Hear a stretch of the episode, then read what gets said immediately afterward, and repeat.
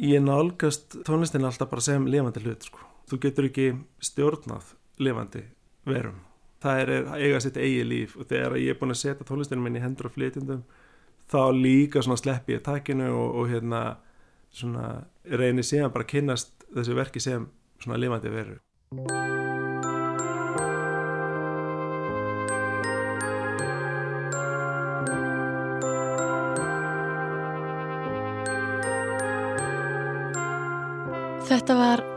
Ragnar Pálsson við ræðum betur við hann í þætti dagsins. Þú ert að hlusta á glans. Umfjöllun okkar í glansum heyrn og hlustun verður seint fyllilega afgreitt nema með því að snerta á hinnu viðfema umfjöllunarefni tónlist. Þar sem af nægu er að taka verður þessi þáttur í tveimur hlutum. Í dag ætlum við að skoða áhrif tónlistar. Í bóksinni Hvað ertu tónlist lýsir Árni Kristjánsson píjánuleikari áhrifum tónlistar á áheyrenda svona. Í hverjum áheyrenda sem móttækilegur er fyrir tónlist byfa margir strengir er hann hlustar á sinfoníu leikna eða sónudu eða fúku svo nefnt séu aðalform hreitnar tónlistar sem svo er kölluð. Hvað þá ef tónlistin er ljóðræns eðlis eða hermitónlist? Engin skildi halda að nokkur tónelskur hlustandi geti notið tónlistar einvörðungu sem leiks með form og tónahjaldur. Snerti hún hann í sannleika, lefna margslungnar tilfinningar í undirvitund hans og laða fram hugsanir, taka á sig myndir. Það vakna af glemsku, dularfullar kendir og tíminn hverfur honum meðan hann hlustar í algleimi. Hefur tónlist áhrif á okkur? Ef svo er, þá hvernig? Er hægt að stjórn okkur með tónlist? Til dæmis kalla fram ákveðin tilfinningaviðbröð með ákveðnum hljómum eða tónum. Af hverju erum við þá með ólíkan tónlistarsmekk? Höfum við þörf fyrir tónlist? Er hún okkur eðlislæg?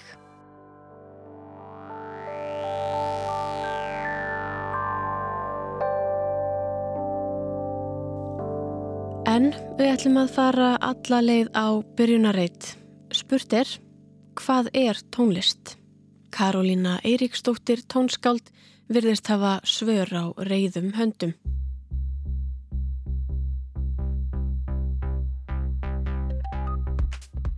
Öll hljóð í kringum okkur geta verið hráefni í tónlist, hvort sem hljóðið kemur úr mannsparka, fugglsparka, hljóðfæri, tölvu eða vél. En hljóð er ekki orðið tónlist fyrir en mannleg hugsun er búin að koma því inn í eitthvað hildar form sem hefur merkingu fyrir höfundin og áheyrandan. Tónlist er listform og þar með mannlegt tjáningaform og sem slíkt fullt af merkingu, ræðri og óræðri. Tónlist hefur margskonar skýrskotun, hún vekur tilfinningar og höfðar til greindar mannsins. Tónlist hefur höfund og áheyrenda sem getur upplifað tónlist á margvíslegan hátt. Eða eins og Árni Kristjánsson orðar það í bóksinni, tónlistin lýsir ekki atburðum og orðnum hlutum. Hún er, innan gæsalappa, skáldskapur loftsins, líf án efnis, ævarandi. Hún byggist á fjárstæðum, ekki veruleika. Hvernig verður hún til? Því er ekki auð svarað. Og nei, Því er ekki auðsvarað en við fórum þess nú samt á leit við Pál Ragnar Pálsson tónskáld og kennara í tónsmíðum við Listaháskóla Íslands með meiru að útskýra það fyrir okkur og sitja fyrir svörum. Hann tók á móti mér á heimili sínu í miðborg Reykjavíkur.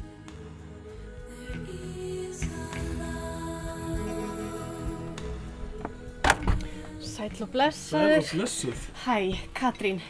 Sæl. Sæl. Gaman að hýtta þig. Sumu leiðis. Það er heldur betur fallegur fugglasöngur hér allt í kring. Ekkert smá. Fallegt heimili. Takk að þið fyrir. Til til þær.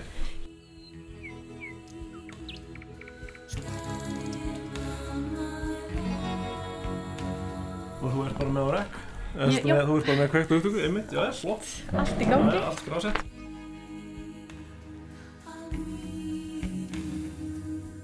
Þá er það mín fyrsta spurning, hvað gerir tónskáld?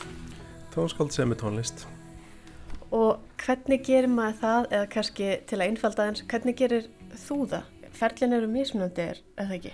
Jú, allir hafa örgulega sitt, sitt eigi vinnu, vinnulag sko. Ég sitt yfirleitt bara yfirleitt hér í þessu herbyggi með uh, blað og blíjant, stróklegur og reglustegu og svo sitt ég nálagt píanói sem ég tegi mig stundum í svona til þess að heyra eins hvað ég er að hugsa. Og það sem þú gerir við reglustíkuna og blíjandin og stróklegri það er bara að þú skrifa niður nótur. Já. Getur þú sagt að þú skrifir út frá einhverju eins og tilfinningum eða einhverjum áhrifum sem þú vilt ná fram og þess að þar? Já, já, algjörlega og maður er sjálfur sér alltaf að þróa bara sitt vinnulag og það er alls konar hugmyndir sem að bara hafa hérna gerjast með manni bara í langan tíma og maður í sjálfur sér er alltaf eitthvað neginn svolítið svona að nálgast þær bara svona ennum sig hverja hörðina í hverju verki sem maður semur eða og alltaf að reyna svona uh, skilja hugmyndirna sínar betur eftir því sem maður vinnur meira og meira. En ég held að í grunninn sem maður alltaf í sjálfur sér að vinna svolítið svona út frá einhverjum svona svipuðum hugmyndum sko það er stundum talað um svona, svona til að alhæfa þá séu svona sumir sem er séu alltaf kannski að finna upp nýjan, búandi nýjan heim í hverju verki meðan aðrir eru kannski að fara alltaf inn í sama heimin í hverju verki og hérna svona dvelja lengur þar kynnast honum betur stækkan smám saman allir ég sé ekki meira þeim megin Er hægt að segja að tónlistin þín sé um eitthvað ákveð?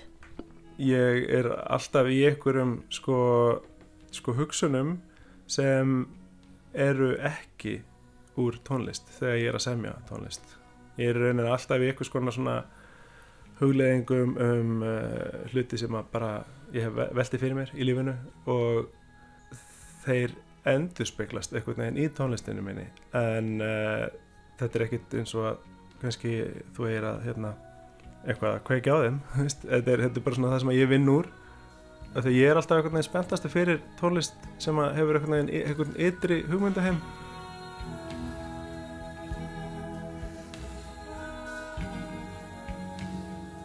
ég hef aðeins lett á piano kann að lesa nótur en ég get ekki alveg ímynda mér sko þetta hvernig maður kemur hugsunum í tónlist eða í nótur er eitthvað að lýsa þessu ferli? Um, þetta er rosalega flókið ferli. Þetta er, alveg, þetta er rosalega flókið. Og í rauninni er þetta veist, rannsaka þetta, lýsa þessu en það er ekki alveg hægt að útskýra þetta. Uh, í rauninni sko er þetta bara sambland af uh, einhvers konar þjálfun, maður lærir að nota þessi verkværi síðan er maður að hlusta á aðra tónlist sum tónlist, náttúrulega höfðar tilmanns og maður fer þá að kynna sér hana kannski maður skoða hvernig hún er gerð síðan eru ykkur svona stærri hugsanir um sko eitthvað úr lífinu personubundið og maður fer einhvern veginn að draga einhverjar kannski svona línur frá á milli þessara hugsana og tónlistar tungumálsins og spyrja sig hvernig maður geti svona tjáð þessar hugsanir, spurningar í tónlistinni eða tjáð eða einhvern veginn svona endurspeglaðir þetta er svona kannski eins og þú lest ljóð skilur við og þú, þú skilur kannski ekki alveg ljóð en þið finnst það rosalega fallegt. Þetta er svolítið svona þannig sko vinna. Tónlistin er ósýnileg. Eini sínilegi parturinn af tónlistin er kannski bara, þú veist, nóturnar og, og hljóðfærleikar þeirra að spila en það er ekki tónlistin. Tónlistin er það sem þú heyrir og skinnjar og finnur Þannig að þú er kannski með ákveðna hugsunni að tilfinningu og svo er ákveðin samsetning af nótum og hljómum og hljóðfærum sem einhvern veginn þér finnst koma þessari hugsun og tilfinningu til skila Já og það er bara einhvern veginn byggt á minnu svona minni svona tónlistalögu tilfinningu, uh, rannsókn. Maður er alltaf búin að velta þessu lengi fyrir sér sko svona hvernig tónmál manni finnst hljóma eins og, eins og maður sjálfur einhvern veginn sko. Er þetta eitthvað sem að þú lærir eða er þetta bara eitthvað instinkt? Finnuru hvernig þetta passa saman eða kannski bæði? Þetta er alltaf blanda af okkur að þessu sko sem að þú kant að gera eða þú veist, þú veitir blandaða verkfræðinni og svo þessari svona svona huglægari svo segir, instinkt, veist, eðlið sko, er, það er þessi svona eðlis ávísun sem segir manni að gera eitthvað sem segir að þetta sé rétt eða sérst að þetta eitthvað höfði meira til manns en annað. Og það er svona þetta samtal þetta svona listamæðurinn að, hérna svona tala við sjálfan sig og, og þá er það alltaf svona þessi svona huglæga nálgun. En þetta er alltaf sko algjörlega að blanda af þessu tönnu. Þetta er bara svona eitthvað svona bara, þetta er svona eilíðar mótíf sko að fólk gera velta fyrir sér þessu svona sem er uh, verkfræðin versus það sem er svona bara uppljómunin og svona þessi, þessi svona hugmynda, okkar innri hugmyndaheimur sem við viljum eitthvað neginn tjá eitt er mælanlegt og hitt ekki um, Hvað myndir þú svona segja þá að væri það mest krefjandi við starfið? Það er sennilega þessi svona sjálfskoðun maður er einhvern veginn alltaf að sko ykkur sjálfskoðun og ofinbera sína hugsanir sko. og maður vil vera tjá sínar eigin hugsanir og maður þarf að finna maður þarf að finna þér og skilja þér og miðla þeim. Það er svona það sem er erfiðast. Er ákveðin berskjöldun fólkin í því? Já, akkurat. Það er það, maður er svolítið að svona opna dagbókina sína. Maður hefði fundið það að það er kannski með því erfiðasta sem maður gerir að vera að berskjaldæður eða svona vulnerable. En á sama tíma mitt þegar maður er að hlusta á tónlist, list, viðtölu fólk og þess að það að þá er það einhvern veginn þessi innlægni sem grýpur mann. Finnur þú mun á því á hvaða tónlist þú hlustar á hvort þú finnir fyrir þessari innlægni og, og berskjaldun eða ekki? Já, algjörlega sko. Það, ég held að þarna svona mæli ég svolítið sko gæði listarinnar sko eða svolítið sem ég er að hlusta á eða upplefa að maður skinnjar í gegnum verkin hversu vel listamæðurinn svona hversu gott þetta samtal hann, sem hann á við sjálfa sig er, hversu heiðalegt það er. Maður bara finnur það. Og það er það sem að grípur mann þú veist það er bara einhvern veginn að maður finnir bara að listamæður sé einhvern veginn að vera heiðalegur gagvast sjálfum sér og, og, og eigi í einhverju svona raunverulegu einlegu samtali við sjálfa sig sko. ég held að það sé eiginlega með því erfiðasta sem að listamenn gera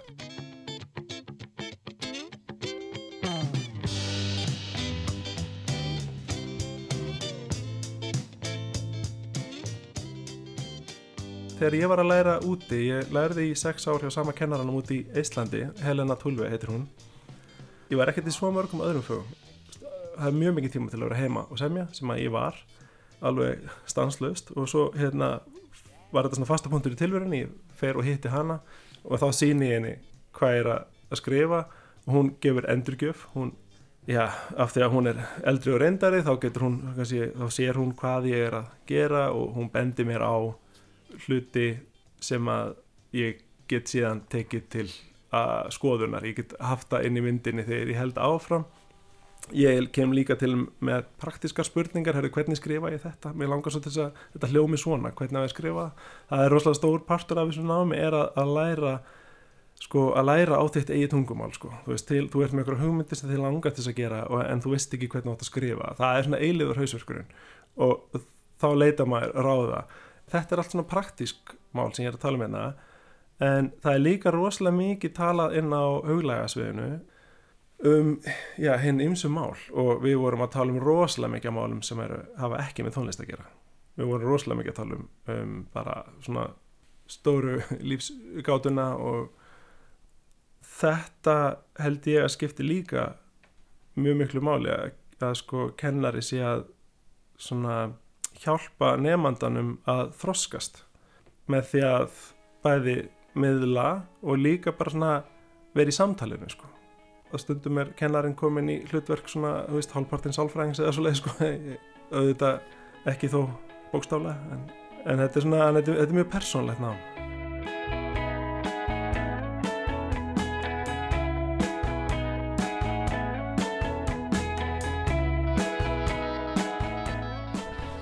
hvernig áhrif viltu að tónlistin þín hafi á fólk? Um, sko það upplifa allir tónlist bara á sinn eigin persónulega hátt. Hver upplifun er einstök. Ég hef oft, hef alveg stundum sko fengið svona viðbröð frá fólki eh, sem að tala um tónlistir mína og það notar eitthvað svona lýsingar sem að rýma eitthvað nefn við það sem ég er að hugsa og þá verður ég rosa ég verði ánæður þá líður mér eins og að sé ykkur að skilja mig hana en það er í sjálfsveitsir ekkit endilega eina takmarkið en þetta er, þetta er minnst að skemmtilegt. Það er svona að segja mér að, að, að sko maður sé að koma ykkur í hugsunni í gegn sko. Er hægt að stjórna því hvernig áhörundin tekur tónlistinni eða hvaða áhrif tónlistin hefur á hann? Til dæmis bara með því að setja saman ákveðnar nótur eða hljóma eða um, Þú getur alveg öruglega haft áhrif á fólki á en hvort að það séu sömu áhrif og þú leggur upp með þarf ekki endilega að vera það er þetta með einstöku skinnunina sko. en það er alveg öruglega hægt upp að einhverju marki sko. en það, ég held að það væri þá alltaf svona frekar svona almennt þú veist að þú getur búið til rosa læti og viðkomandi bregður eða, eða þú ert með rosalega mikið að djúpum basadrunum sem á vekja kannski eitthvað svona einhverja spennu, óta tilfinningu einhvern veginn svona, dálítið svona stereotypu svona viðbröð, en síðan allt umfram það held ég að sé miklu flóknara sko. Þannig meira kannski svona í kvikmynda tónlist og þess aftar sem að þú getur kallað fram þessi ákveðnu viðbröð. Jú, kvikmyndatónlist leitast við að kalla fram ákveðin viðbröð eða að styðja við frásögn í myndinni aftur segi ég sko að ég held að þetta sé samt alltaf mjög persónubundi hvernig þetta virkar í rauninni sko. ég held að við séum alltaf að tala frekar almennum nótum bara með að hafa eitthvað spennustef í, í bíómynd þú veist getur virkað á eitthvað sem svo að hann lifi sér meira inn í myndina það getur líka bara trubla eitthvað annan og þar fram eftir göttunum Maður mitt finnur maður kannski að horfa á hryllingsmynd með mörgum og allir að horfa á sama og einhver hluta vegna eru aðrir sem bregðast kannski við tónlistinu um að eitthvað að fara að gerast og hinnir í kringum hann eru kannski bara mjög slakir. Algjörlega og, og einmitt, maður kemur út af bíamind og talar eitthvað um tónlistina og sá sem að horfa á hana með manni spyr, ha, var tónlist í myndinni?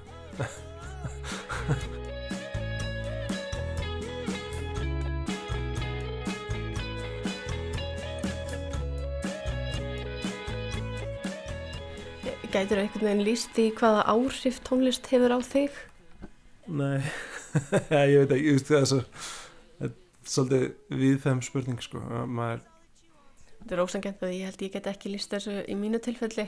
nei, einmitt sko, þetta er bara, hún náttúrulega bara, það er alltaf þetta með sko tónlist að hún er sko, hún er án orða, þó hún sé sungin, þá erum við samt að upplifa melodíuna, eða melodíuna eða, eða skiluru tónlistina. Tónlist er handan orða, bara, það er bara, og þess vegna einhvern veginn að maður á að orða það hvernig mann er líðið þegar maður hlustar, þá er maður svolítið að einhvern veginn svona, um, þetta er ekki alveg, þetta er ekki alveg þannig, bara þetta er svona, maður á ekkert svo mikið að reyna að koma í sjórð.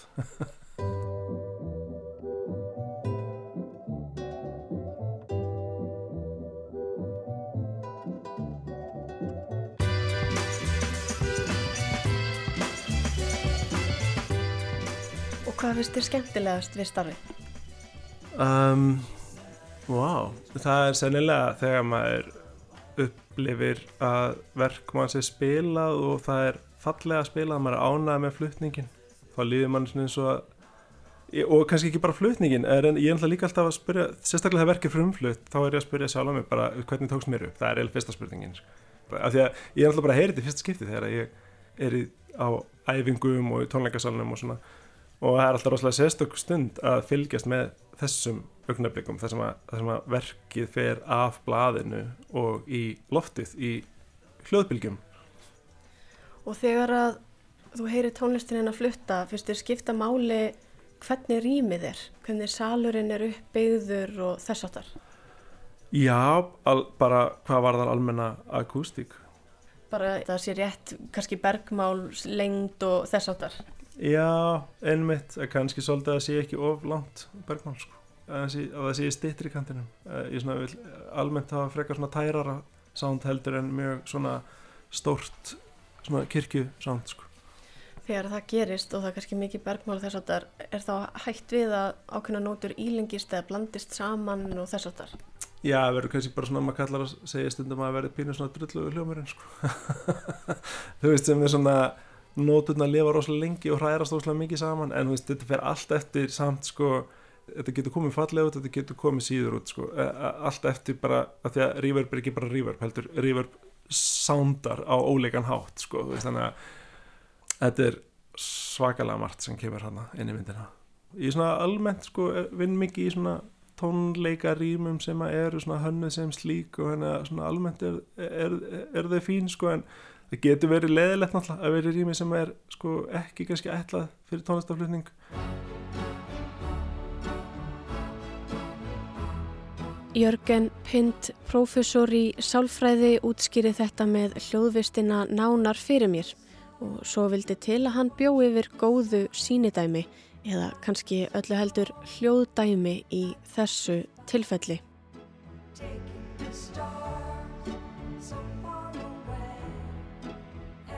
Hljóðin berast til okkur til dæmis ef við erum að, tala saman og fólk er saman í rými þá berast hljóðin til okkar og við heyrum röttin og svo framvegis en herbyggin sjálf eða, eða húsýmið og svo framvegis hafa líka áhrif á það hvernig hljóðin eru.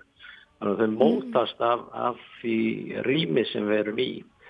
Þar getur sagt, hljóðvistin verið mjög mismunandi. Þetta er orðið e, mikið mál nú orðið að hanna hljóðvist þannig að hendi ólíkri nótkunn þessara rýma.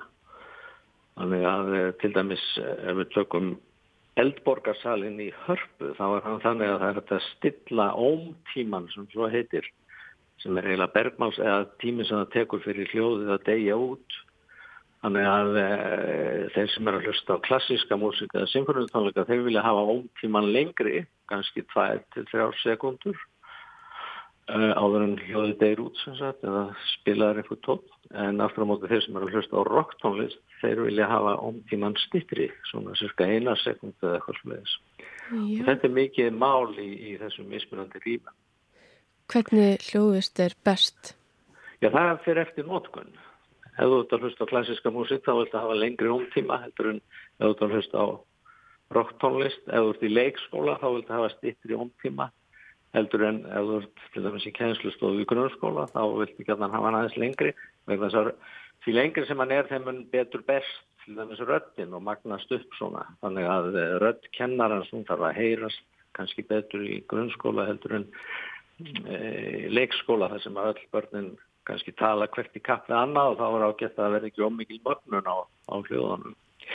Ég með hérna, ég veit ekki hvort ég má spila fyrir því, ég veit ekki hvort að það text. Já. En þannig er að svona minn er í dottorsnámi í hérna hljóðverkvæðir endar í hérna tækniháskólanum í Kaupanöf, DTU mm -hmm. og þar eru nú allsken sérútbúin herbyggi þar sem ætlar að gera hljóðtilrönir, bæði herbyggi þar sem er mikið bergmál og svo herbyggi þar sem er ekkert bergmál eða bergmál stökt herbyggi Já. og hann fór núna fyrir náttúrulega dögum með strákinn sinn sem er eh, rúmlega tveggjára og sínd honum þessi herbyggi og sett hann inn í þau og það er alltaf gaman að heyra hvernig strákurinn bregst við. Þannig að nú ætlum ég að prófa að spila þetta og við skulum sjá hvort þú getur náðu þessu inn á upptöku. Þannig að fyrst er það í svona bergmálsherbyggi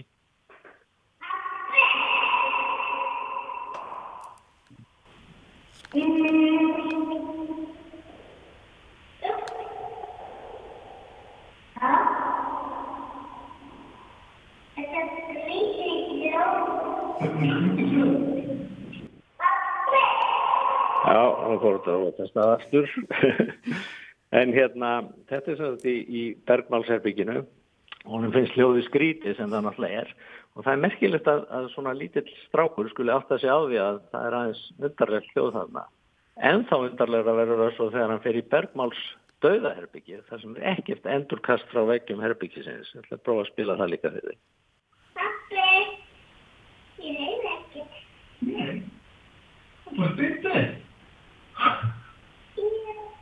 Ó, þeir eru sættir, þetta er mikið skrítið. Já, það er mikið munur. Já, hvað þetta er skrítið. Maður er ekki vanið að heyra þetta. Nei, og hérna, en það er nú ekki bara börnum sem finnst skrítið að koma í hljóðu strími, það finnst okkur fullóðu líka í fyrsta skipti sem við stígum inn í það. En merkilegt að hann segir, ég heyri ekkert. Já. En auðvitað heyrði hann í sjálfum sér segja þetta, sem hann uh, sagði hvað var það, pappi eða hvað. En svo segir hann, ég heyri ekkert. Og það er vegna þess að það er ekkert endurkast. Þannig að röddin verður eitthvað skrítinn. Og þetta sagt, lærum við bara eða stillum okkur inn á og, og, og verður hluti af henni vennjulegu og ellu hirn okkar. Þannig að eh, ef eitthvað bregður út af þá sjáum við að, eða heyrum við, að eh, eitthvað sé bóið við hljóðvistina í viðkomandi dými.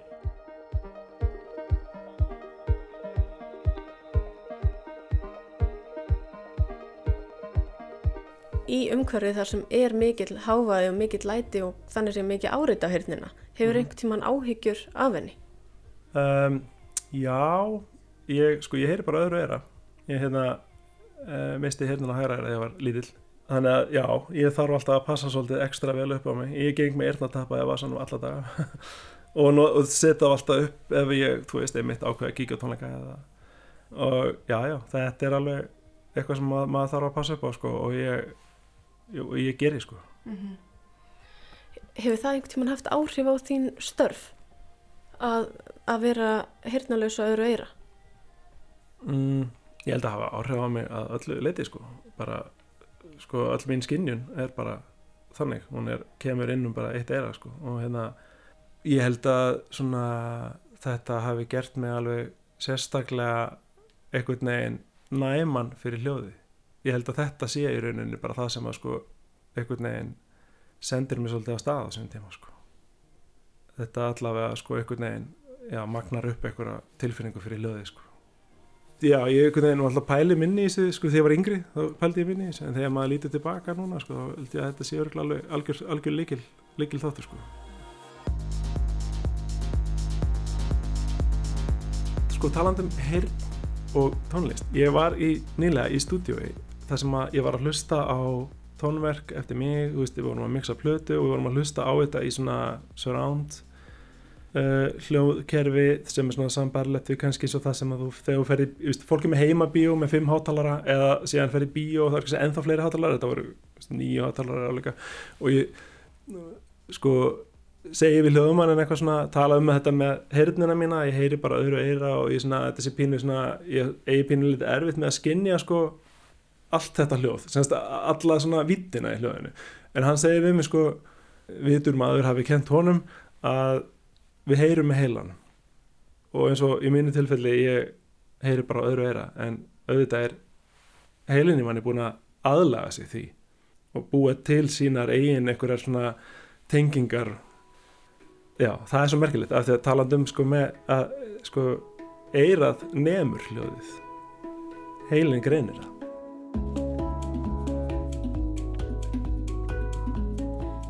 Þá úr einu í annað. Já, ég er Helga Rud Guðmundsdóttir og ég er eh, með doktorspróf í tónlistafræðum eða mentunafræði tónlistar eftir hvernig maður þýði það. Ég er uppálega tónmentakennari og fór svo í framhaldsnám og ég starfa á mentavísindasviði Háskóla Íslands sem prófessor í tónlistafræðum og ég kenni mest tilvunandi kennurum, tilvunandi tónmentakennurum, tilvunandi grunnskólakennurum og leikskólakennurum. Ég ætla að byrja á því að Óska er innilega til hamingi með stór afmæli og byggjast afsökunar á því að draga því hingað á stóramælinu. Já, Helga Rut kom til mín á 50. afmælistægin sinn og það með afar litlum fyrirvara meira að segja. Mér finnst að minnsta sem ég gætt gert að koma með svona litlar ammæliskökur Æ, en hvað er þetta sætt? Takk. og vona og njótir uh, dagsins svona, að þessu viðtali lokkunu. Takk fyrir það. Við fórum þó fljótt að umræðafninu. Já, það sem að ég verið að skoða er í raun og veru hvernig við skinnjum tónlist. Þannig að mikið af mínu rannsóknum tengjast svolítið mikið sálfræðilegum rannsóknum, hvernig við skinnjum tónlist og hvernig við greinum hana og það skiptir máli fyrir það hvernig við lærum hana. Skilja sagt hvað verist vera meðfætt hjá okkur, hvað er það sem við lærum í menningunni og hvernig förum við að því að læra og tilenga okkur ímislegt sem, eh, sem heitir tónlist. Þetta er svona mjög svona breytt svið. Og þegar þú segir hvað er meðfætt og hvað er menningin, hvað er meðfætt og hvað er menningin? Það er ekki annarkvort meðfætt eða eitthvað sem við lærum, eins og svo margt annað í umhverfin okkar. En það virðist vera þannig að tónlist, tónskin og ritmaskin er eitthvað sem að hefur fyllt manninum það ábáslega lengi í þróun mannsins að þetta er eitthvað sem að heilin er sérstaklega móttækilegur fyrir og raun og veru allt viðbraðskerfi líkamanns er mjög móttækilegt fyrir ritma og tónum. Þannig að það hefur mjög svona djúb áhrif og bein áhrif á taugakerfið sem að er ekki hægt að útskýra með því að við höfum lært að breyða svona við tónlist.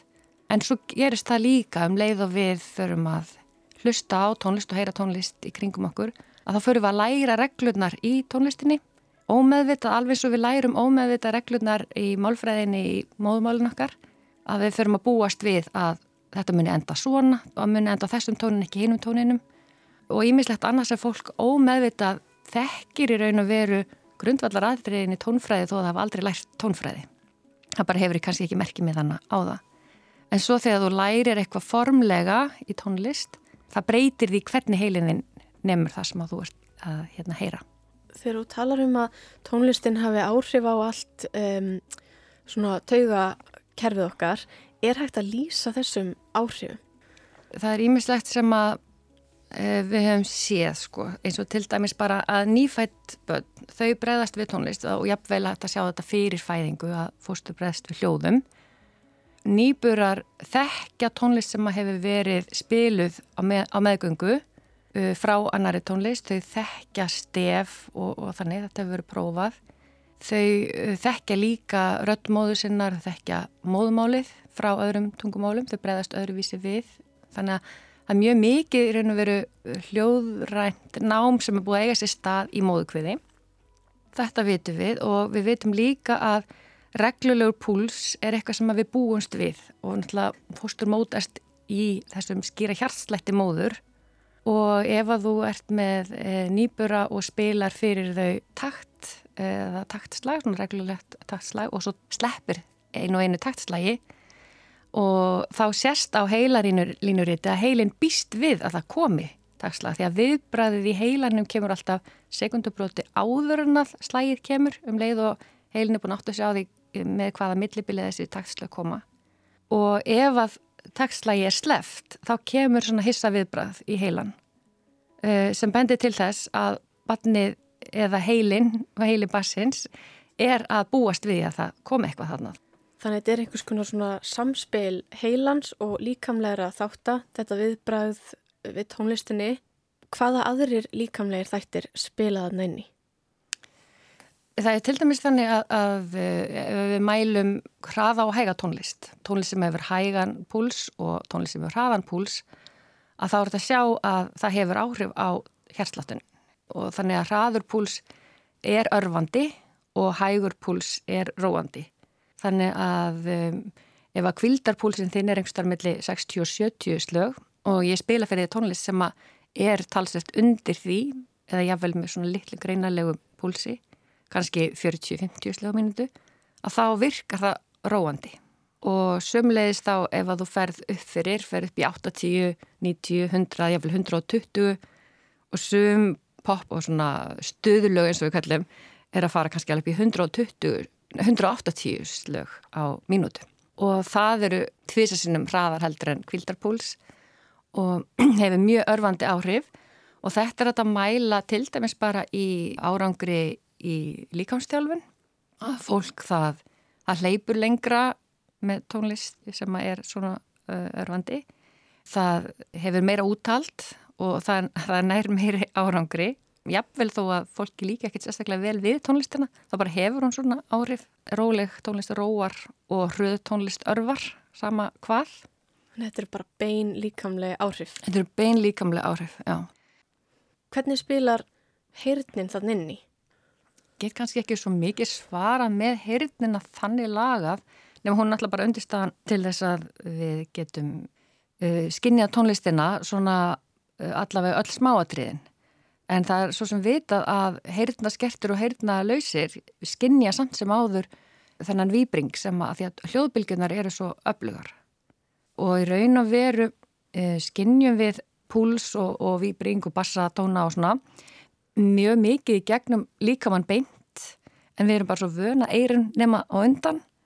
Til dæmis ef að það verður trómmisláttur eða djúpur bassi að þá höldum við að við séum bara nemaða með eirunum en við erum raun og verið að nemaða mjög mikið með, með skroknum og ég var einhver tíma með heyrnalösa kennaranema og við vorum að gera hljóðtilraunir láta salt hoppa út af hljóðbylgjum og svona, svona hérna, ef þú ert slærið á trommu og það er salt á plastfilmu þá hoppar það og svo komið ljós að þær gáttu sagt að þær snýru baki, þá gáttu það sagt hvort það var verið að slá á trommuð ekki. En að við áttuðum okkur ekki á því að við erum að finna þetta á skroknum líka.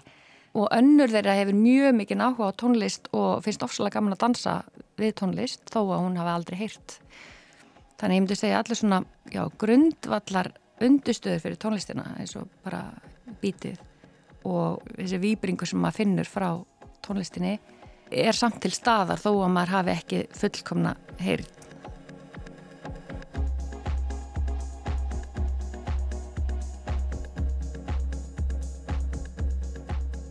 Og svo ég spyrja nú aðeins bara um þig sjálfa, hlustar þú sjálf mikið á tónlist?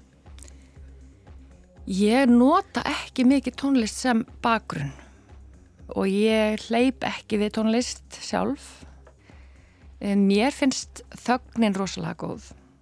Mér finnst mjög áhugavert einmitt að þú segir ég nota tónlist af því að ég myndi aldrei segja sko ég nota tónlist nema kannski til að lýsa vinnunum minni. Að ég mm. nota tónlist til að stjórna flæði eða fara úr einu einslægi annað. En annars myndi ég alltaf segja hlusta. Þannig að lítið þú svolítið á tónlistina sem verkfæri?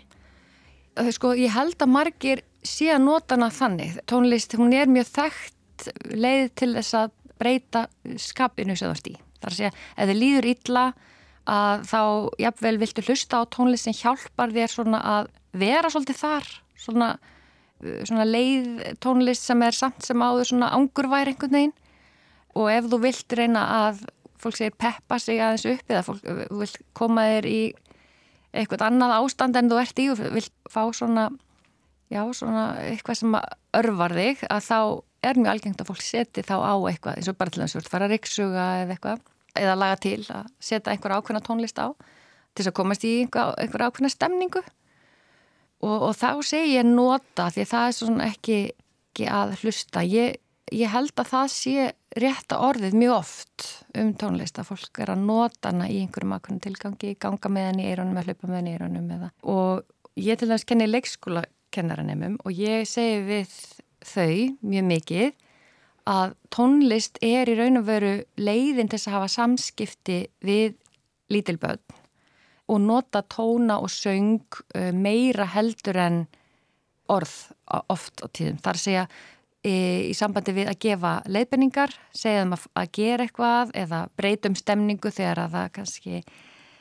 kannski slettist upp á vinskapin eða einhver sem er veist, eins og hálsás hrindir einhverjum eða eitthvað þannig það er ekki til neins að fara að ræða málinn of mikið það bara skiptir máli að breyta stemningunni og stundum er þau bara rætt eða leið eða, eða sakna um á pappa og það sem að skiptir máli inn á leikskóla er að nota tónlistina vegna þess að það er það sem alltaf virkar Virkar þá til að í rauninni stjórna tilfinningunum? Hjálpa þeim að hafa betur stjórna tilfinningunum. Það er í rauninu veru tilfinningastjórn er eitthvað sem við lærum smá saman.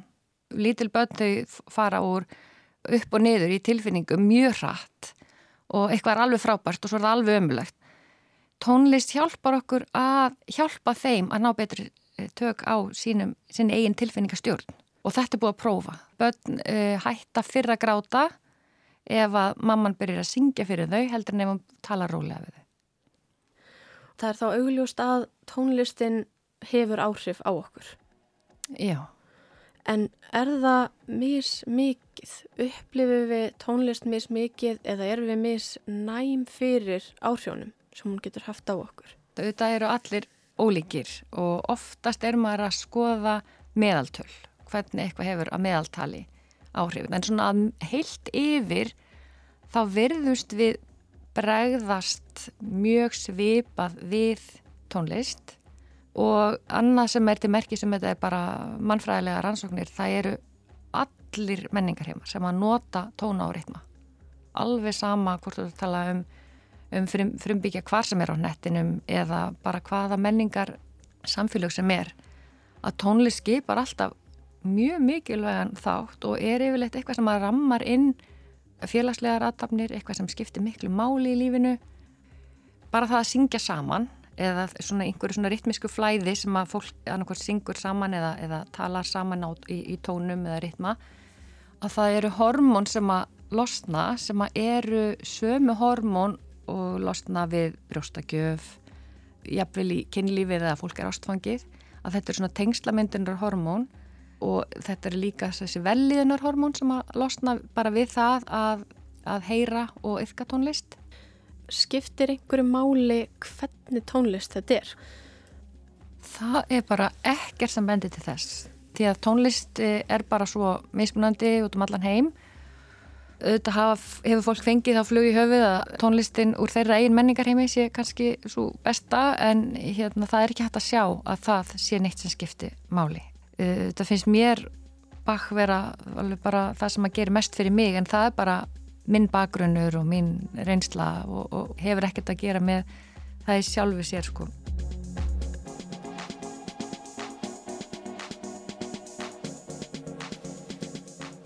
Eru viðbröð við tónlist personubundin og ef svo er, hvað ræður þá? Hvernig við bregðumst við? Þannig að öll okkar viðbröð eru personubundin að, því leiti til að við erum ekki öll alveg nákvæmlega eins að upplægi sumum finnst koriander góður og öðrum finnst hann vondur og svo framvís. Það er svona ákveðin smekkur og, en smekkur getur alltaf breyst við áreiti eða við reynslu og tónlist er þannig öll reynsla hefur áhrif.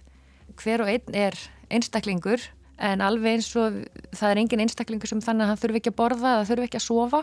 Og svo, svo er það mismunandi, fólk vil fara að sofa snemma eða sofa seint eða sefur mikið eða lítið og allt þetta.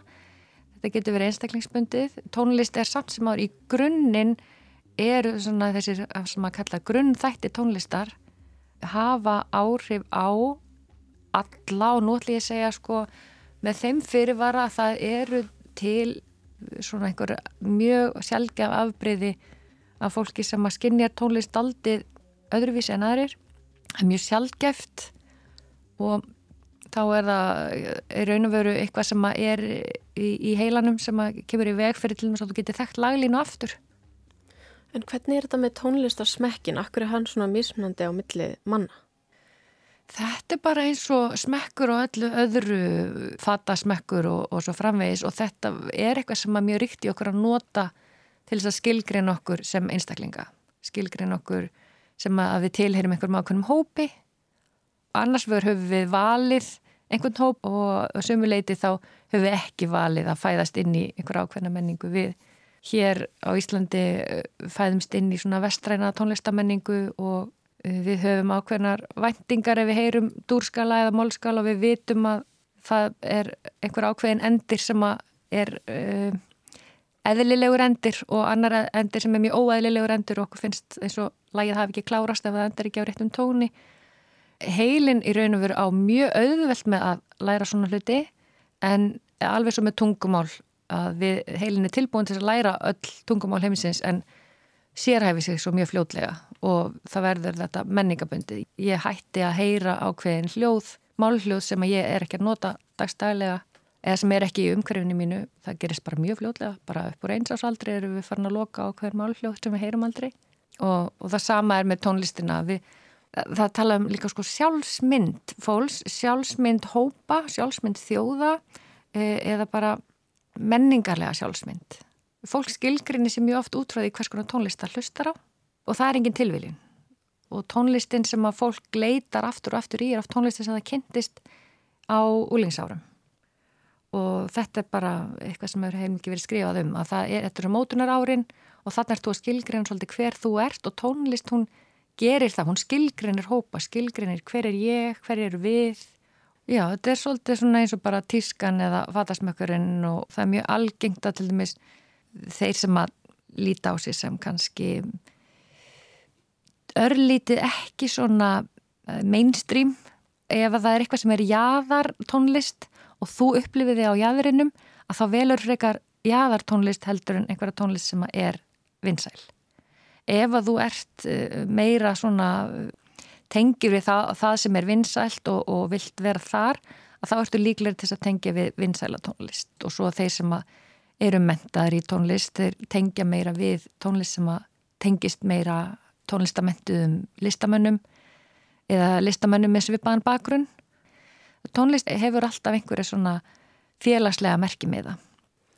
En eins og til dæmis ég kannski leita í ákveðna tegund á tónlist ef ég er leið eða ef ég er glöð eða mér langar að komast í gott skap til þess að fara út eða hvað sem er. Er eitthvað algilt í þeim efnum að fólk leiti í þessa tegund á tónlist eftir þessu skapi og, og aðra eftir öðru skapi? Já, sko, það er mjög merkilegt til dæmis að fólk hefða á að gefa tónlist engun. Hérna það sem að kallast Music Preference rannsóknir voru vinsalega í nokkra áratví svona setni hluta síðustu aldar skulum við segja og eitt af því sem kom mennum þar á óvart var að leið tónlist eða tónlist sem að, sem að fólk merkir sem sad á ennsku uh, fólk uh, velur hana mjög hátt eða raðar henni mjög hátt það tók mann svolítið tíma átt að segja á því það er ekki að sama og að vera leiður eða að hlusta á tónlist sem að skapar minninguna um að vera leiður og það að hlusta tónlist sem skapar minninguna um að vera leiður kveikir á e, samhigð. Það er að segja samhigðin sem að þú hefur með þeim sem að er leiður skapar velðan.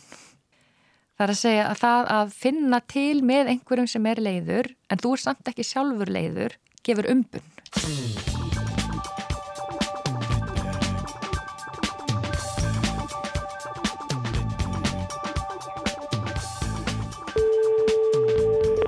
Eftir að hafa rætt við sérfræðinga vildi ég fá inn sjónarhótt amatörsins ef svo yllam á að orði komast. Það er að segja hins almenna tónlistarunenda. Eflaust fáum til undrunar varð Anna Geða samstarfskona mín fyrir valinu. Sæl Anna Hæ. Geða, Hei, hvað ertu að segir þau? tannbusta? Já, Já, ég það náði á því á góða augnabliki. aha, alveg að búið það.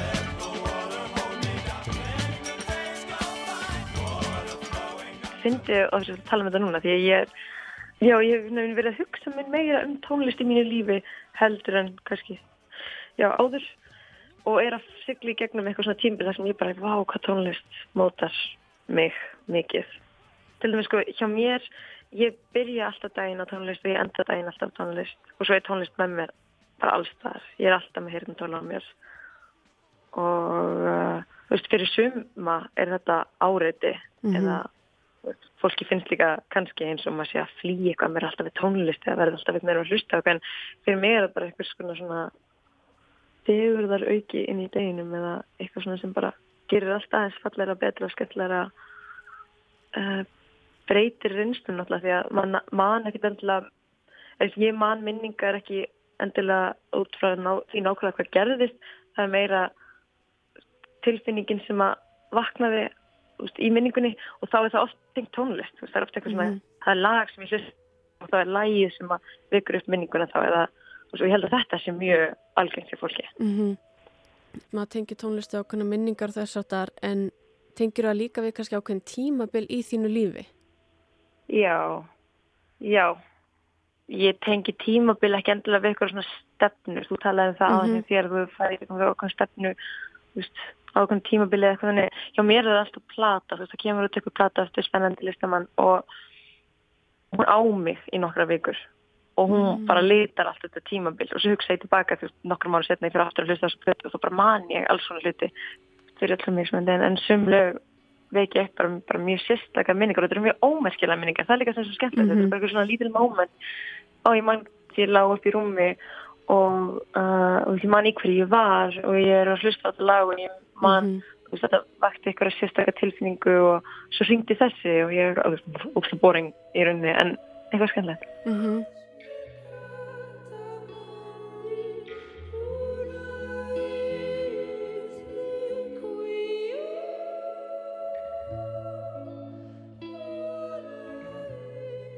Getur á einhvern Mhm. hátti mitt svona líst í hvaða áhrif tónlist hefur á þig?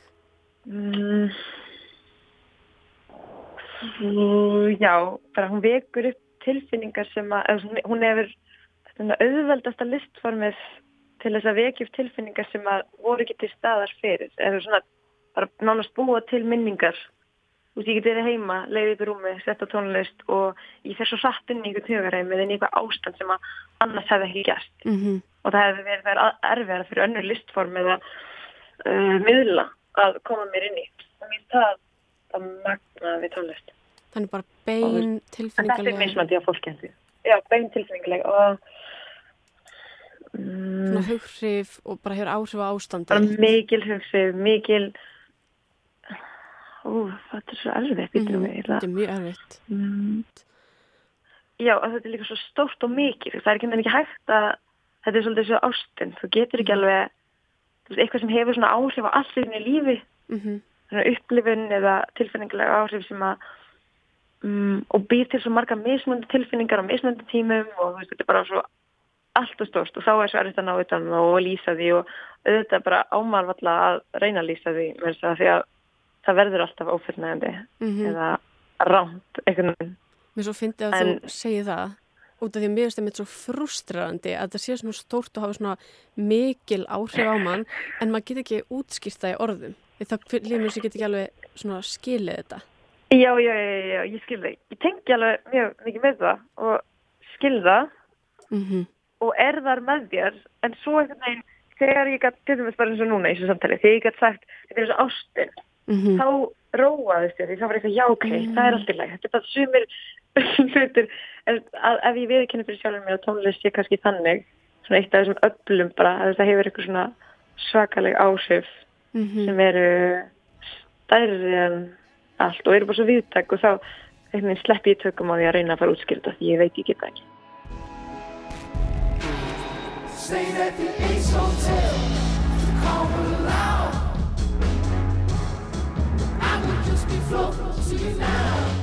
Við ljúkum þessum þætti á því að heyra hluta af verki Páls Ragnar sem ber heitið Quake. Þegar Pál las bók auðar Jónsdóttur Stóri skjálti tengdi hann strax við ákveðið erindi úr bókinni. Erindið rýmaði við þær tónlistarlegu hugsanir sem höfðu gerjast með honum. Í þessu tilfelli því sem bærist innra með okkur, en maðurinn er aldrei kýr. Það er alltaf stöðug orka í kringum okkur. Hreyfingar innra með okkur, skjálti eða innri spenna, hræringarnar fyrir jarðskjáltan. En Páll segir þetta betur með tónlistinni en ég get sett í orð. Fyrst skulum við þó heyra í auði sjálfri lesa umtalað brott. Í þúsundir ára sapnaðist upp spenna í kvikunni og hún losnaði á einu augabræði í stórum skjálta, svo bergið undir fótum mér gliðnaði og stengjarvingar og silfurkristallar brutust upp á yfirborðið. Löngu liðnir atburðir, grafnir í eldgumu lög af jarðefnum, áður óþægtir hverir gusu og allt sem áður var, var það einhverju nýju. Landslægið verður aldrei samt og áður. Ég stari ofan í hildýpið, sprunguna í lífi sjálfrar mín og heyri hvernig það brestur allt í kringum mig.